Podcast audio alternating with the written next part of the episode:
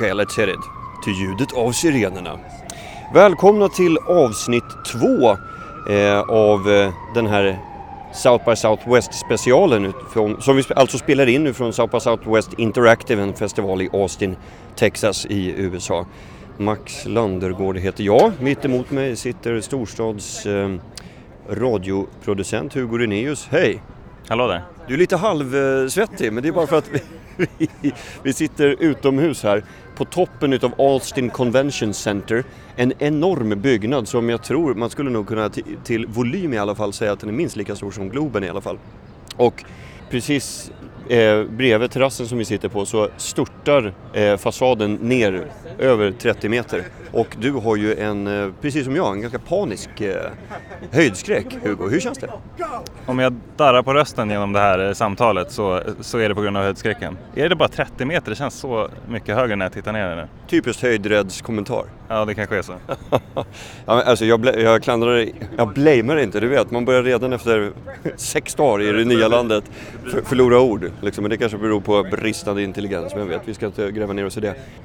Vi ska prata om interaktiv video som marknadsföringsverktyg, om hur Periscope kan användas som ett verktyg i marknadsföring och hur vi ska lyckas med marknadsföring i sociala medier.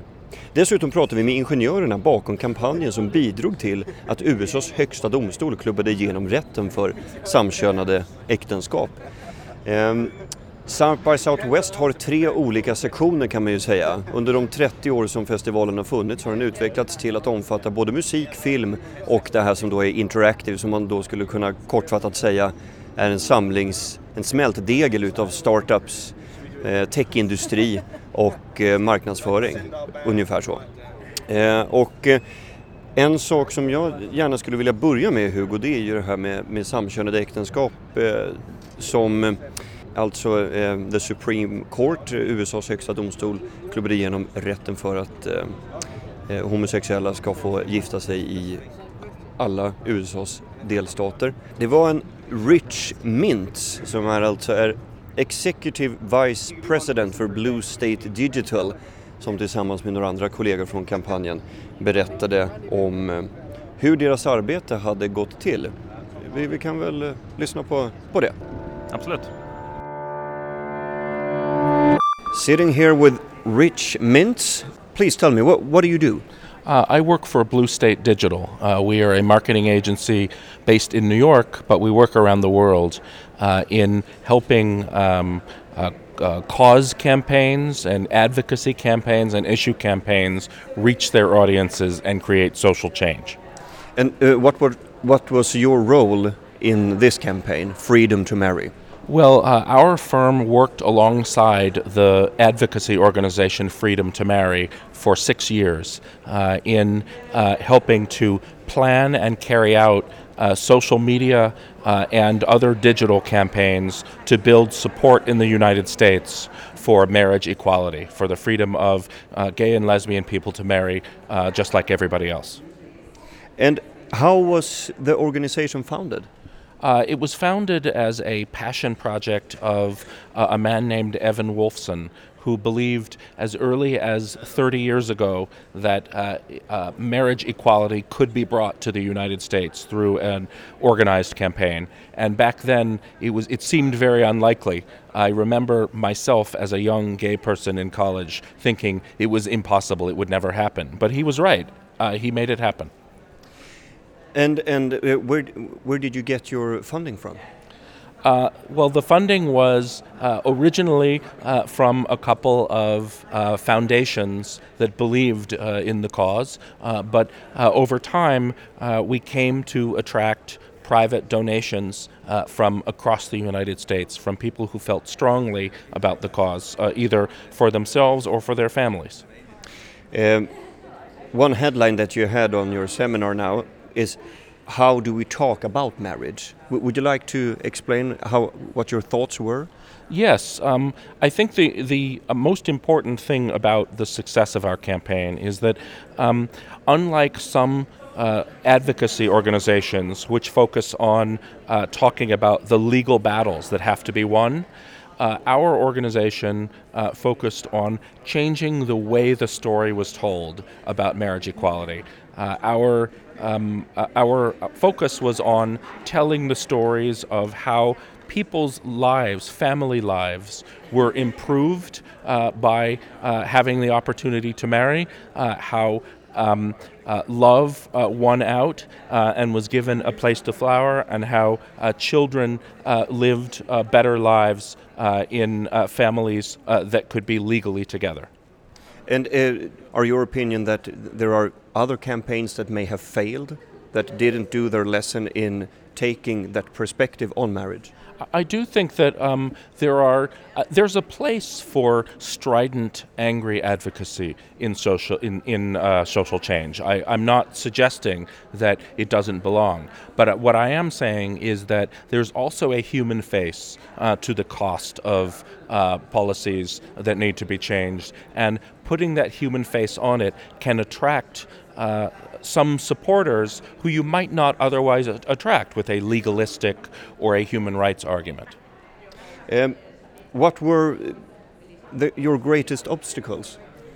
Well, I think the greatest obstacle is that uh, there was a settled body of law uh, in the United States that not only um, said that uh, being uh, uh, that uh, same-sex marriage was illegal, but that also uh, at the federal level in our federal system um, said that uh, changing that uh, law could not happen um, by the will of Congress. And uh, we had a um, law in place called the Defense of Marriage Act uh, that was uh, cynically established in the 1990s under President Bill Clinton that made it, that established a definition for marriage as only including uh, a man and a woman. And so not only did we have to establish the constitutional case, uh, we had to go against that uh, popular feeling. Uh, and that was very difficult. Um, you you um, displayed some of your campaign material, like uh, websites and various accounts on social media and, and so on. Uh, how did you think when you created your branded content? Do you have any examples? Uh, well, I, I mean, I think uh, creating the branded content was a matter of uh, uh, thinking about uh, all the different campaigns or uh, message streams that we could put into the market, uh, and then uh, creating an ongoing narrative for each of those constituencies um, using content that would be very easily shared. Uh, because we knew that uh, the key to success, to building a large constituency quickly, was um, creating content that lots of people would want to share uh, on their own uh, so that we could take advantage of their uh, individual social networks to build reach, uh, to reach more people. You you said during the hearing that you, you can't, uh, if I understood correctly, that you can't be emotionally attached to the ideas when you're working with a political campaign. Would you like to tell us more about that thought? Yes, I think that there are fundamental principles that you obviously are attached to, but in terms of the way you express it, uh, it is a marketing campaign after all, even in even in the field of social change, and so um, you need to constantly be experimenting with messages and uh, concepts and ways of framing it. Uh, so that when you find something that resonates with people, uh, you roll it out more widely. Uh, and uh, when you find that something is no longer working, um, you uh, you know you pull it out and replace it with something else. You have to take your ego out of it and focus on results. You talked about that thin crust of super enthusiastic sharers. How do you identify your super sharers in order to, to you know, distribute all, all your content? Well, I think that's a matter of um, uh, putting out calls to the people who are your supporters and asking or inviting them to take uh, more and more substantive actions and keeping track of who does what. Um, because then you'll identify some subgroup of people who are more active, and you can say to those people, Look, would you like uh, insider access to be part of uh, a senior group of supporters uh, who gets uh, information sooner and who is a- asked to take more important social media steps. Uh, and so that's how you do it. What did you do with all the haters?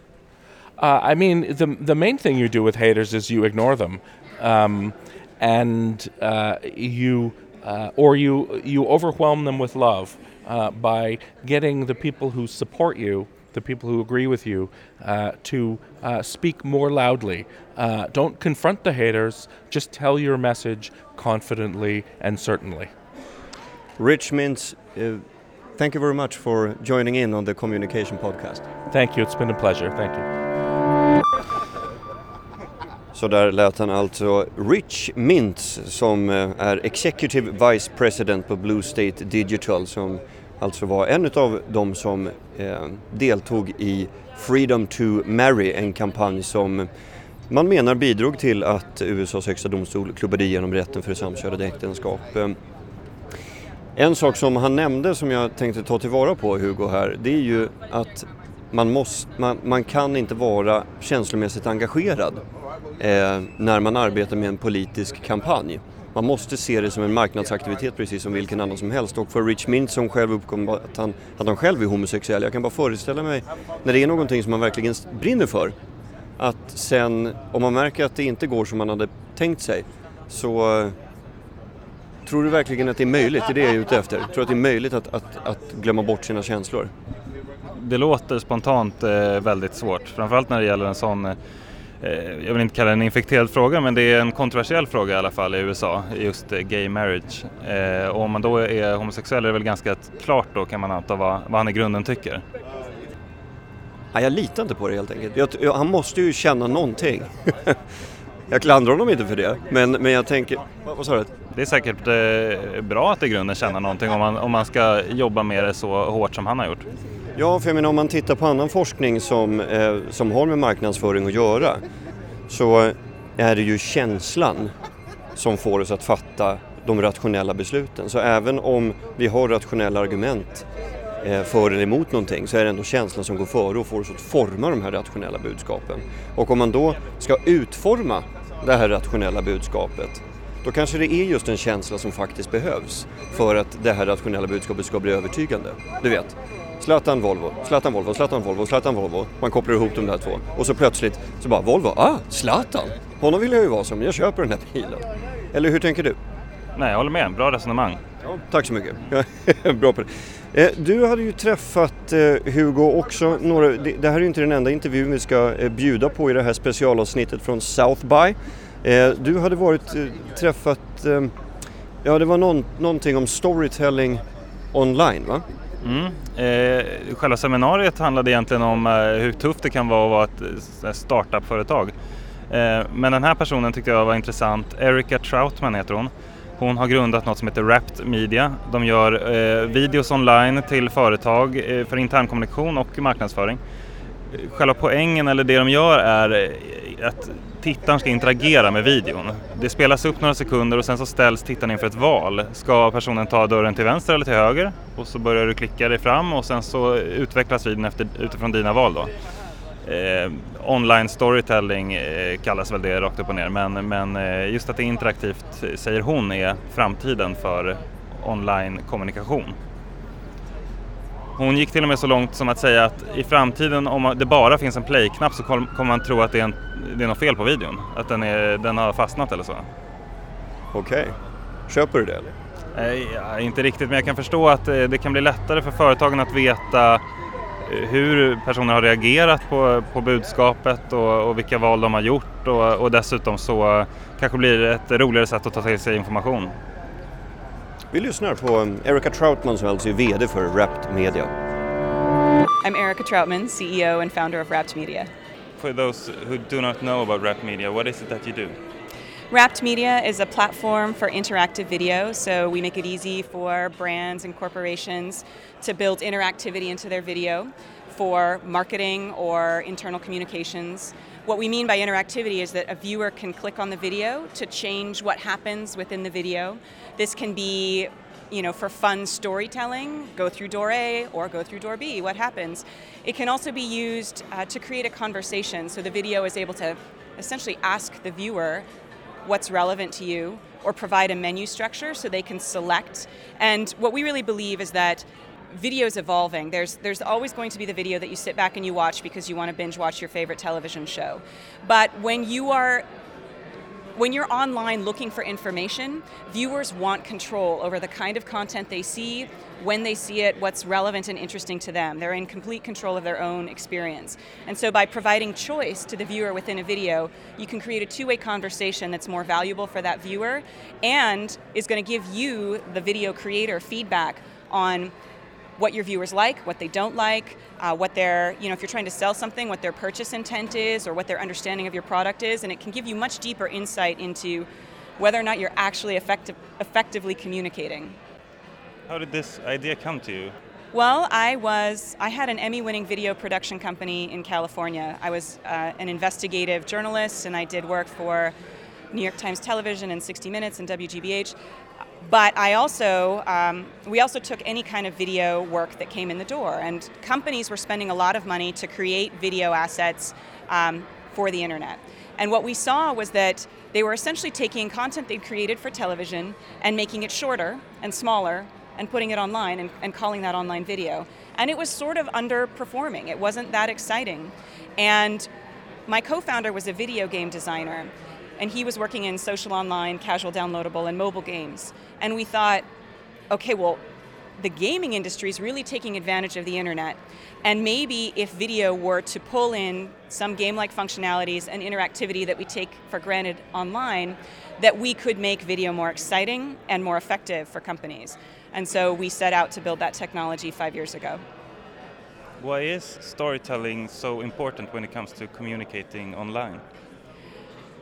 I think human beings are fundamental storytellers. It's how we understand information, it's how we connect with each other emotionally, it's how we make decisions. And so, you know, we really believe that storytelling and data are both fundamentally important. You can't have um, data is meaningless without the right story, and stories can become more and more powerful if you use data to understand their impact. So we think that the internet and technologies like ours are finally facilitating a new evolution for storytelling.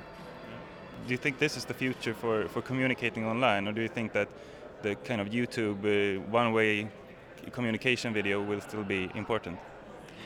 I think for certain types of television shows, obviously that one-way communication is still is always going to exist. But I think in the very near future, for a certain type of video content, if all you can do is click play, it's going to feel like the video is broken. I think that we've come to expect that you can do so much more with content and video will evolve.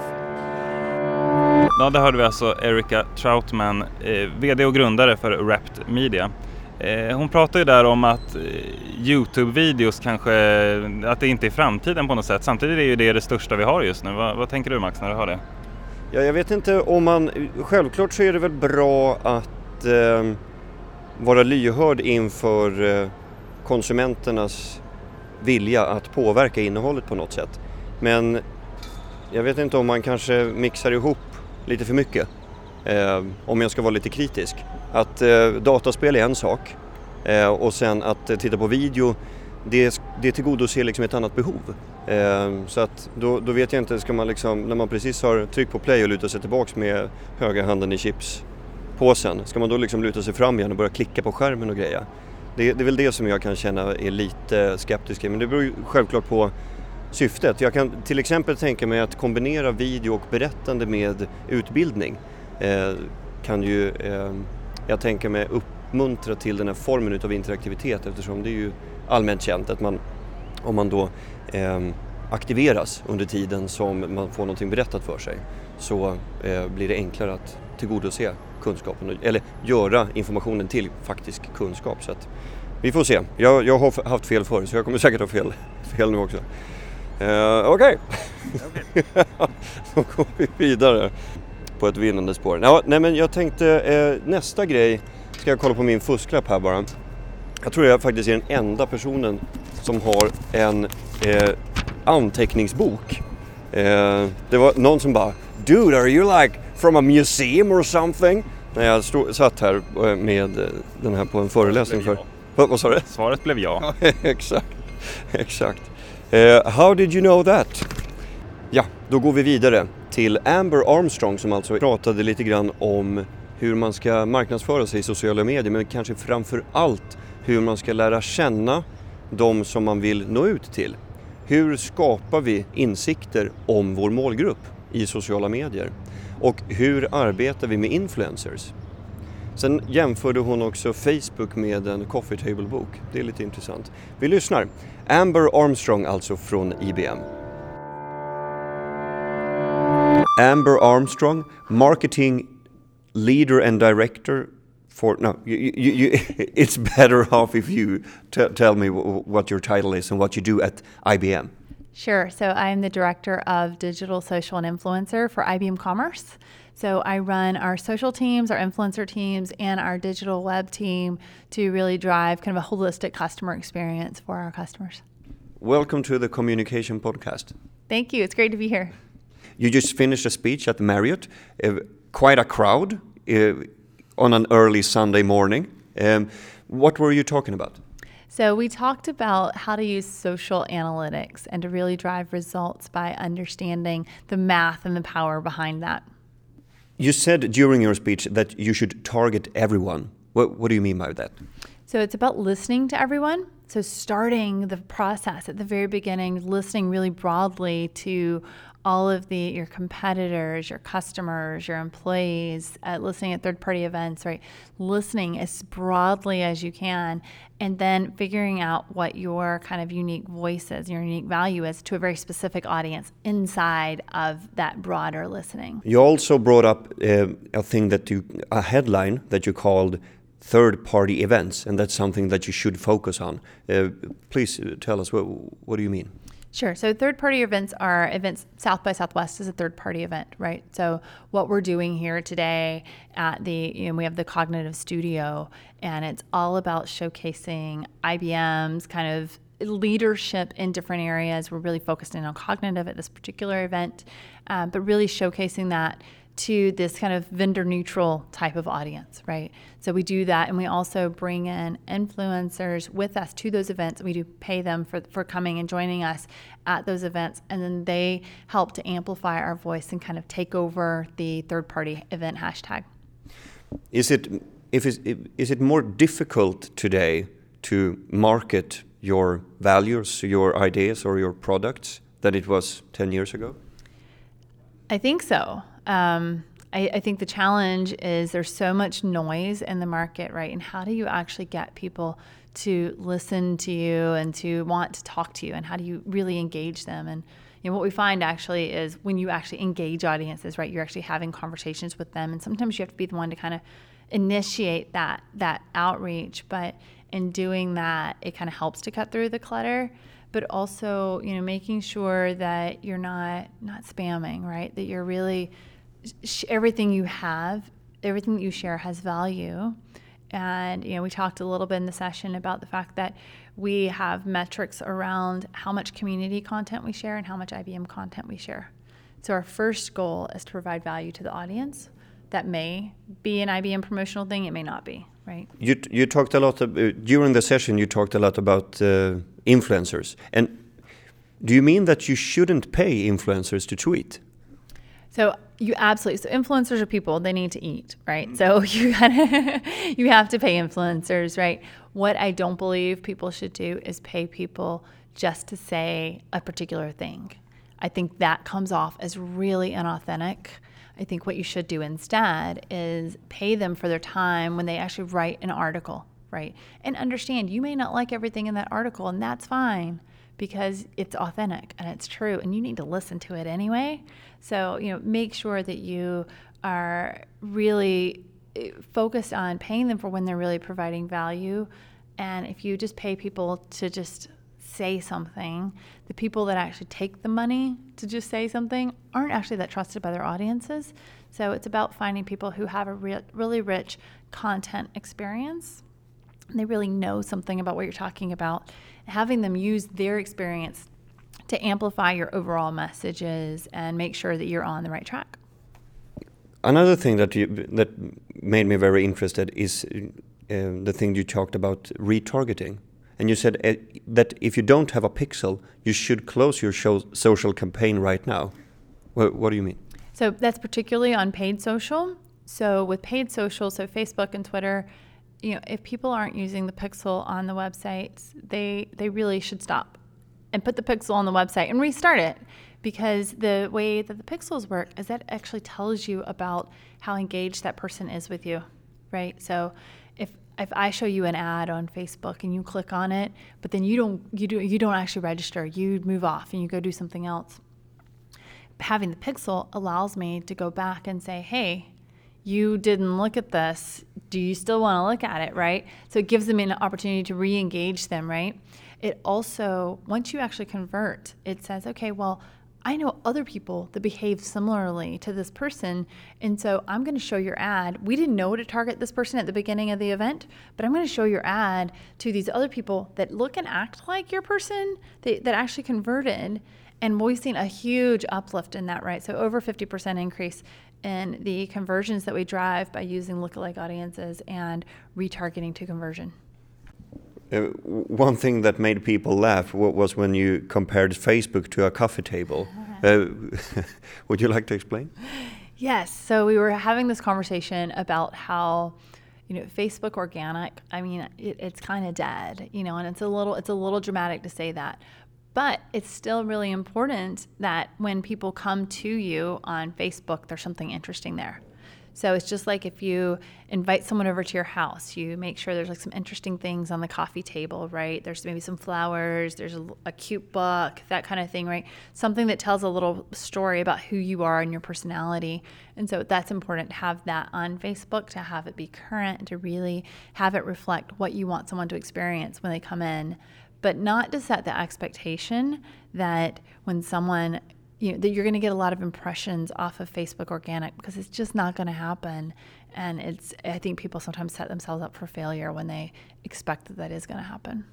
So you mean that uh, you should see Facebook as a window display for a store, and you shouldn't put the merchandise out there?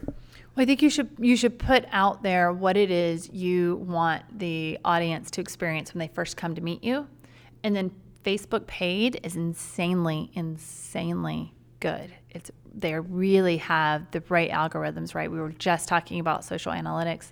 They understand exactly who people are, what they want, and they're able to match that up. So use Facebook and Twitter for your paid engagements. But then when people click on your your paid thing, they're also going to click on your your name, right? So they're going to click on my IBM Commerce and I need to have something there that really is reflective. You said that you need to get the audience, the users, the consumers, if you like, you need to get them to ask how. How do you do that? What's really important is when you are trying to tell a very deep, broad story, is to focus on a couple of bullets that are interesting. So, one of the things that I said up in the, the room earlier today was 49% of people actually use the social to engage with experts. I actually think that's really an incredibly low number. I think it's actually much, much more than that. People maybe don't call it that, but we put out social tiles that say that, right? That say 49% of people are on social to engage with experts. And then it goes into a broader study. That Can you define an expert? What kind of person could that be? I mean, it could be it could be someone that is very deep. You know, if you're an HR, it could be an HR leader. It could be at your company. It could be you know a technical expert. You know, I, I'm considered an expert for marketing. Um, I'm not considered an expert for e-commerce, but but that sort of thing, right? Like people who have really deep content knowledge about an area. Uh, what what are you? Uh what are you you yourself most interested in during the South by now? I love the entrepreneurship stuff here. Mm-hmm. So, you know, we have a, a startup village. Um, last year, I was talking a little bit about we launched the New Way to Startup reality show that was all focused on entrepreneurs. So, that's a particular passion of mine. And uh, so, I, I'll be spending a lot of time meeting some of the startups and hoping that, you know, we can use some of their technologies to move our business forward. Sorry. Amber Armstrong, uh, thank you very much for joining in on the communi communication podcast. Absolutely. Thanks so much for having me. Thanks for joining the session. Hugo, Amber Armstrong jämför ju Facebook eh, här i intervjun med ett, ett vardagsrumsbord som man kan pimpa efter behag eh, utifrån det sättet som man själv vill bli uppfattad utav de som besöker den. med någon vas med lite orkidéer kanske. Eh, en coffee table-bok, eh, lite fika och så vidare. Men du kan inte förutsätta, menar hon, att eh, det är där man kommer att vinna dem, så att säga. Ehm, vilken typ av eh, marknadsföringskanal är du mest nyfiken på? Jag är nog fortfarande lite fast i Facebook och Instagram. Eh, jag är fortfarande inte så bra på det, det är väl det som är grejen. Jag tror att eh, om jag uppfattar de här kanalerna rätt så ju mer privat du vågar vara desto bättre kommer, kommer det flyga liksom. och jag är inte tillräckligt privat tror jag. Jag vet inte hur det är med dig på, på de kanalerna men Ja, jag, jag berättar ju alldeles för mycket alldeles för ofta. Så att jag, vet inte, jag vet inte alls vad jag har vunnit på det. Ganska lite. Förutom liksom likes. Men det, ja det där är ju intressant också att eh, är det någonting som man ska säga har varit lite allmängiltigt just på South by så kanske det är att det är hellre rätt än brett som gäller. Hellre affinitet än att du bara kör liksom, ut på, eh, på en bred marknadsföring. Eh, samtidigt som du fortfarande måste vara genuin. Och det är kanske bara gentemot en särskild utvald målgrupp som det går att vara genuin. Eller vad, vad tror du, är det ditt intryck också? Ja, det är ju, om man ska nå yngre personer så verkar det som att då ska du bli väldigt tillgänglig, personlig, dyka upp i telefonen som en, som en kompis snarare än ett stort företag och att det är enda sättet att få deras uppmärksamhet. Därför pratas det så mycket om om att ha content och att göra storytelling för att eh, annars är folk inte intresserade av vad du håller på med helt enkelt. Och när vi ändå är inne på content så kommer vi ju vidare till eh, det som jag tror väl är den sista intervjun som vi har i just det här specialavsnittet. Jag satt på en eh, föreläsning med eh, flera olika företag som pratade om hur man använder sådana här liveströmningsappar som Periscope och Meerkat en av dem var Sam Olstein. Han är Director of Innovations på General Electrics. Eh, vi har väl ingen superbra översättning på den titeln kanske till svenska? Um, nej, innovationschef. Ja, han kommer på roliga idéer i alla fall. Han sitter i den berömda 30 Rock skyskrapan vid Central Park och, och pumpar ut idéer. Bara 31 år gammal är han. Det, jag tycker det är så kul när det går riktigt bra för andra. Ja, där, där, där gav sig den svenska småaktigheten sig till känna. Nej men det var, det, det, det är väl jättebra, härligt. Ja, Va, vad, vad sa han då? Vi njuter för hans skull. eh, han, han kom på då att eh, General Electric är, är ett stort, jättestort företag i USA och han vill eh, egentligen tweaka det här, bilden av varumärket lite och nå en yngre målgrupp. Därför kom han på att om man låter en kamera följa med en drönare på olika platser där de verkar i USA så kanske folk vill titta på det här live genom Periscope och kommentera vad de ser och sådär. Det kan vara eh, stora industrier eller byggen som ser häftigt ut när du kommer högt upp i luften eller sådär. Eh, de körde det här live under en vecka, kallade det Drone Week. Eh, Spelade lite på Discovery-programmet Shark Week. Eh, jag vet inte om du känner till det? Nej, men jag kan gissa att det handlar om hajar. det handlar om hajar och eh, det är nördigt om hajar också okay. om jag förstått det hela rätt. Eh, man blir lite förvånad. Man blir en fena på hajar alltså efter att ha tittat på det? Där, där satt den. tack så mycket, tack. tack. Öva på lite material inför Norra Brunn-framställningen här. Okej, okay, ja. kanske finns någon, någon plats här i Austin du kan testa ditt material. Nej men jag tänker att man blir ju, man undrar lite vad, vad bryr sig General Electric om att nå några tusen tittare på Periscope. Det känns eh, lite långt bort. Så min fråga till honom var helt enkelt, vad, vad är tanken med det? Vad får de ut av, av att finnas i sådana här små appar då i jämförelse med deras egen storlek? My name's Sam Olstein. Um, I lead global innovation uh, as part of the GE Global Brand Marketing team. Yeah.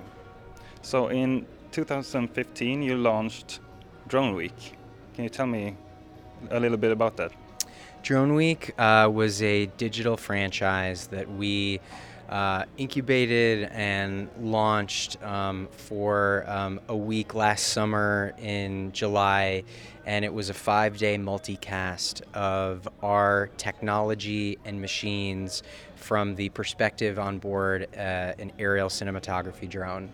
Uh, over the course of the week, we gave viewers exclusive inside access to some of our facilities and sites that have never been seen before, um, and at a peak at five different industries. Monday was oil and gas from um, a site in Houston. Tuesday, we brought viewers to um, our jet engine test facility in Peebles, Ohio. Wednesday was renewable energy in Tehachapi, California. Thursday was uh, GE Transportation, where we uh, a site in Texas where we build locomotive engines, uh, and Friday was from a uh, power facility in Greenville, North Carolina. So it was kind of a week of, of big industry um, and really kind of GE's version of Shark Week. Yeah, and now you're doing it in Rio, right? Yeah. Rio de Janeiro. Uh, is it this year? Yes, will be this summer. Um, it'll be uh, a lead in to um, our activation at the Olympics in August. Um, and uh, come June, it's the week of June 13th, we'll give viewers, uh, again, an inside look at some sites and access to kind of never before seen um, places that I think people don't really get to see when they're watching the Olympics. Um, and just kind of how GE is helping the city prepare all the infrastructure that goes into um, hosting the Olympic Games. Yeah, so why did you choose Periscope as your channel uh, to communicate this? So Periscope um, is a you know really compelling platform. I think uh, you know the user engagement and the ability for people to um, just you know ask questions and comment and express their um, you know whatever it is they're feeling based on what they're seeing is. Uh, you know, when we saw it and when it first came out, I don't think there was anything else in the media landscape today that kind of gave someone that kind of access, but also presented in a very just simple, you know, simple way.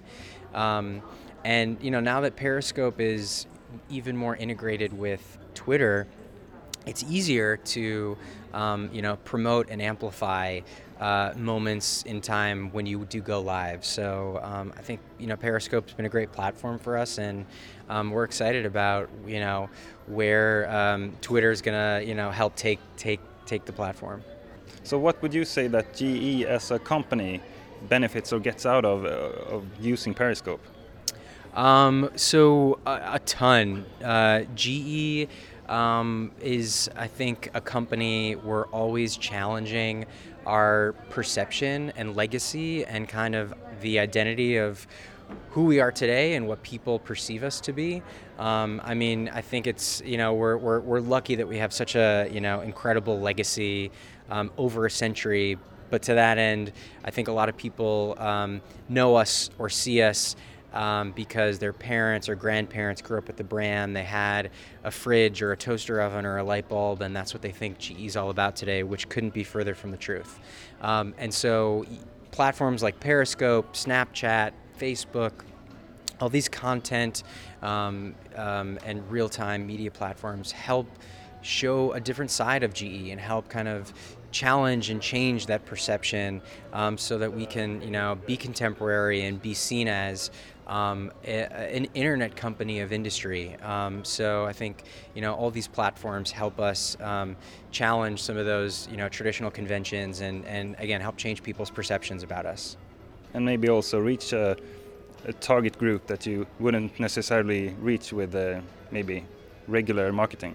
Absolutely, absolutely. It's uh, essential that we, you know, prepare for the future of the company, um, and a big part of that involves with kind of connecting with the next young generation of innovators, inventors, entrepreneurs, and developers. Um, as uh, we change to become really, you know, a digital industrial company and a technology company, uh, it's important for us to um, find and connect with developer talent to build industrial apps that sit on our machines and and you know are bringing um, new forms of, of you know predictive analytics and efficiency to all of the industries we're in from healthcare to energy. Um, and so these platforms are great ways to again connect with kind of that next generation um, of talent um, that is so vital to the company Det sa alltså Sam Olstein som är Director of Innovations på General Electric. Han pratar om att eh, han vill, vill bygga det här varumärket med en, med en lite ny bild eh, och nå en annan målgrupp men, eh, men det låter inte lite ängsligt? Måste alla stora företag nå precis alla och nå unga? Ja, du menar att man springer på liksom samma bollar eller? Ja, att, varför ska General Electric finnas där? De, det funkar väl, det lär gå bra för dem oavsett.